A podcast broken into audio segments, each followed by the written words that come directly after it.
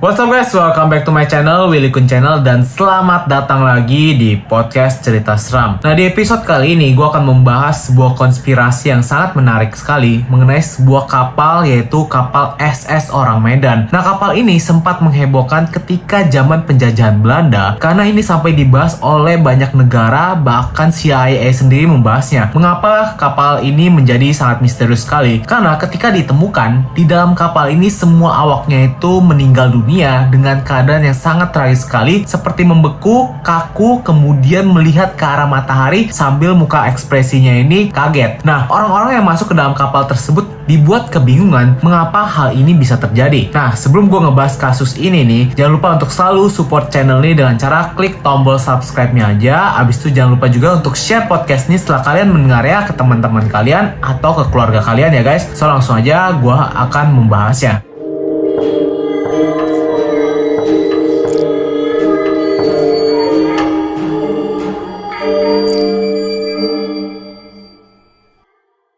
So, kasus mengenai kapal SS orang Medan ini terjadi sekitar tahun 1940-an, tetapi banyak perdebatan yang mengatakan ini sebenarnya terjadi pada tahun 1940 awal atau 1947. Nah, dari berbagai macam sumber yang gue cari tahu, memang banyak yang mengatakan kalau kasus kapal ini berunjuk pada tahun 1947. Nah, mengapa tentang tahunnya aja ini udah kebingungan? Nanti bakal gue kasih tahu di akhir video kenapa data-data mengenai kapal ini sangat sulit untuk dicari tahu guys. Nah langsung aja gue akan masuk ke dalam kronologi dari kasus SS orang Medan ini. Kisah ini terjadi di Selat Malaka, di mana melibatkan kapal dari Indonesia yang kala itu dikenal dengan nama Hindia Belanda. Seorang operator di kapal SS orang Medan mengirimkan kode Morse. Nah kode Morse buat kalian yang nggak tahu adalah kode yang diketik-ketik gitu ya guys ya. Ini akan dikirim menggunakan signal sehingga diambil oleh penjaga pantai atau kapal lain. Nah biasanya kode Morse ini berisikan mengirimkan SOS atau pesan yang sangat penting sekali. Jadi pada kesempatan kali ini dia mengirimkan kode Morse untuk meminta pertolongan dan isinya itu juga sangat misterius sekali. Isinya itu adalah semua awak kapal termasuk kapten terbaring sekarat di ruang peta dan anjungan. Mungkin semuanya telah meninggal dunia. Kemudian kalimat terakhirnya itu sebenarnya ada titik-titik yang tidak bisa terbaca dan akhirnya adalah aku juga meninggal. Jadi sebelum pesan ini berakhir, dia itu bahkan sudah mem memprediksikan kalau dia itu akan meninggal yang mengirimkan kode Morse ini. Nah kemudian setelah itu pesan radio terputus begitu saja. Pesan mengerikan itu juga didengar pos pemantau milik Belanda dan Inggris yang ada di sekitar Selat Malaka. Para operator radio penerima berusaha melacak sumber signal dan menentukan bahwa pesan tersebut datang dari sebuah kapal yang dikenal dengan kapal SS Orang Medan. Nah kapal ini berada di Selat Malaka dan pada saat itu ada dua buah kapal yang terdekat tapi yang paling dekat adalah kapal Silver Star yang akan datang ke tempat itu. Nah kodenya lalu memutar haluan mendekati lokasi SS Orang Medan dan mereka itu menemukan kapal itu terapung-apung di atas lautan yang mengerikan. Ketika kru kapal Silver Star ini masuk ke dalam kapal SS Orang Medan jasad-jasad para krunya bertebaran di dek. Semuanya dalam kondisi kondisi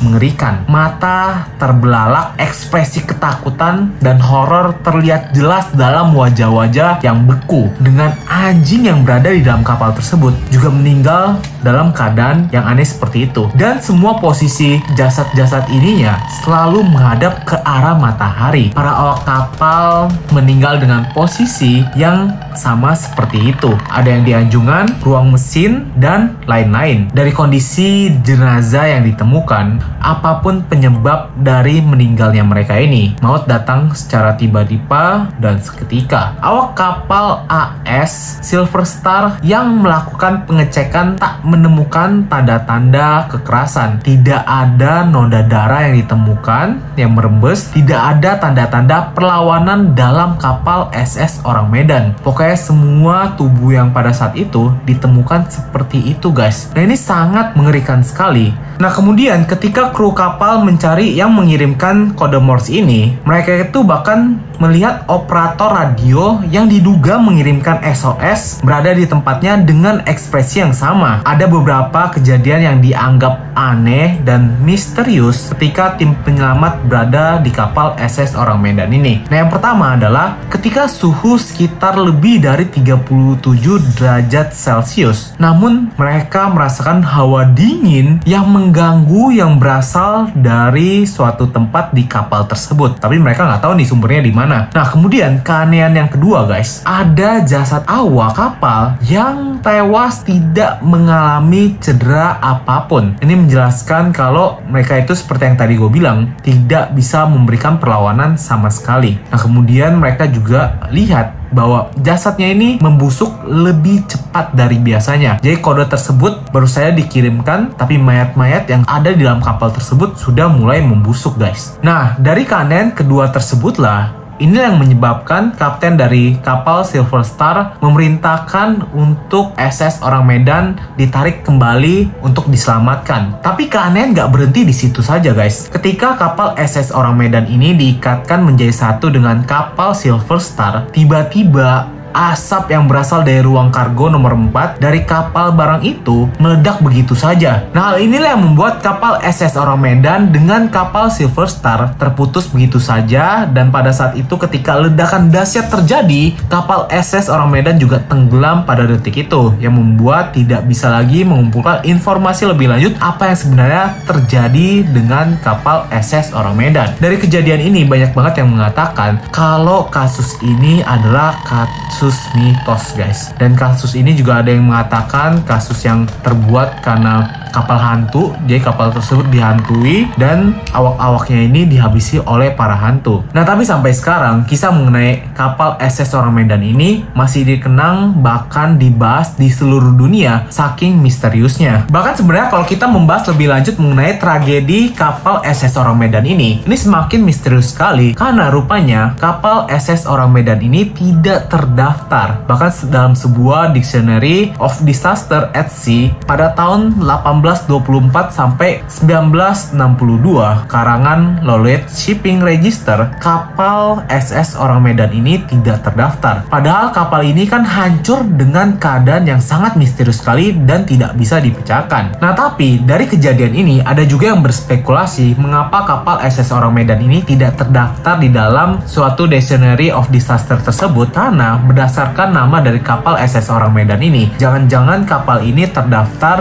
di kepulauan Sumatera. Jadi kata orang diterjemahkan sebagai pria dalam bahasa Indonesia sedangkan Medan adalah kota terbesar di Sumatera. Jadi mungkin saja kapal ini itu terdaftar di tempat lain. Nah kemudian inilah yang membuat kapal ini diartikan sebagai pria dari Medan. Tapi ada juga yang spekulasi bahwa SS orang Medan tidak ada karena kurangnya pendaftaran pada saat itu. Jadi misalnya begitu aja guys. Nah atau fakta bahwa Kuru yang pertama kali melihat kapal barang itu sangat tertutup tentang insiden ini sehingga tidak mau mendaftarkan kasus ini di dalam dictionary tersebut. Nah, kemudian lanjut lagi pada tahun 1952, penjaga pantai Amerika Serikat mencatat akun resmi pertama SS Orang Medan dengan keterangan saksi. Jadi, ini tuh kesaksian itu berasal dari kru penyelamat dan penemuan kru yang meninggal pada saat itu. Nah, kemudian lanjut lagi, rupanya misteri dari kapal SS Orang Medan tidak berhenti di situ aja. Kalian penasaran gak sih apa yang dibawa oleh kapal barang SS Orang Medan ini? Kenapa bisa meledak pada saat itu? Nah, sebenarnya sampai sekarang tuh belum ada yang bisa dengan pasti menjawab pertanyaan ini. Tetapi ada seorang ilmuwan yang berasal dari Jerman, yaitu seorang profesor Theodorus Sistrodover, di mana dia telah memberikan hidupnya selama 50 tahun untuk meriset kejadian ini dan memperkirakan apa yang menyebabkan kapal ini tenggelam dan apa yang dibawa oleh kapal ini. Nah, di sini dia memberikan dua teori yang sangat masuk akal, yaitu berdasarkan sebuah buklet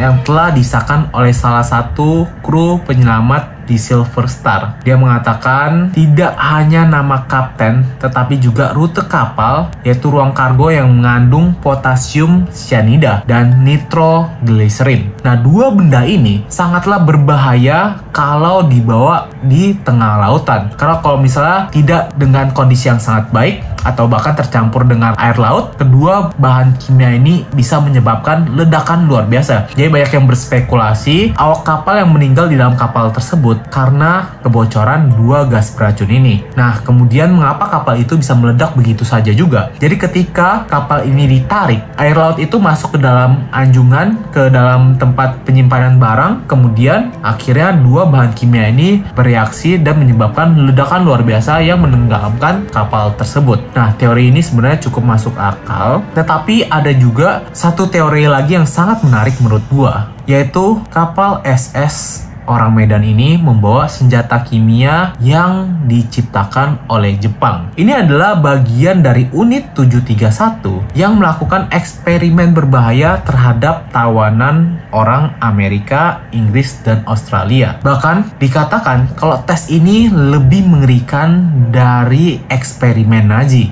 Nah, ini adalah senjata biologi dan kimia yang sangat berbahaya yang diciptakan oleh Jepang untuk menghabisi lawan-lawannya pada saat perang dunia. Nah, berdasarkan teori tersebut, nah inilah yang menyebabkan kenapa orang-orang di dalam kapal tersebut harus dibasmi dan kapal tersebut harus dilenyapkan tanpa informasi yang bisa bocor ke dunia. Tapi balik lagi itu adalah sebuah teori liar dari pemikiran. Dan yang terakhir sebenarnya ada teori yang sangat ringan sekali di mana isi kapal dari SS orang Medan itu berisikan pasukan Cina yang menyeludup ke Amerika pada saat saat itu. Dan kenapa bisa dilenyapkan ya karena pada saat itu pasukan Cina ini bisa membantu pasukan sekutu sehingga Jepang tidak ingin dan akhirnya melenyapkan kapal SS orang Medan. Nah, ketiga teori itulah yang dipercaya sampai sekarang yang menyebabkan kapal SS orang Medan ini bisa tenggelam dan apa yang menyebabkan orang-orang awak kapal tersebut meninggal dengan keadaan sangat tragis seperti itu guys. Gimana menurut kalian? Apakah teori tersebut masuk akal atau menurut kalian ada sebuah teori lain yang bisa menjelaskan apa yang terjadi terhadap awak yang ada di dalam kapal SS orang Medan ini dan mengapa kapal tersebut ketika mau ditarik ke daratan bisa langsung hancur begitu aja. Nah kalau kalian ada sebuah teori yang lebih masuk akal, jangan lupa tinggalin pendapat kalian di kolom komentar ya guys. Nah itu dia video hari ini guys mengenai teori konspirasi dari kapal misterius SS orang Medan. Oh ya buat kalian yang mau request kasus yang mau gue bahas atau kalian juga mau menceritakan kisah horor yang pernah kalian alami, langsung aja kalian bisa kirim cerita horor kalian dengan cara DM Instagram gua di Willy Kun. Nanti pasti akan kita bahas bersama-sama di channel Willy Kun dan di podcast Cerita Seram Bas. Itu dia konten hari ini guys. Jangan lupa untuk selalu support channel ini dengan cara klik tombol subscribe-nya aja. Dan jangan lupa juga untuk share podcast ini ke teman-teman kalian dan ke keluarga kalian ya guys. So itu dia video hari ini guys. Thank you for watching this video and see you guys in the next episode. Willy Kun sign out.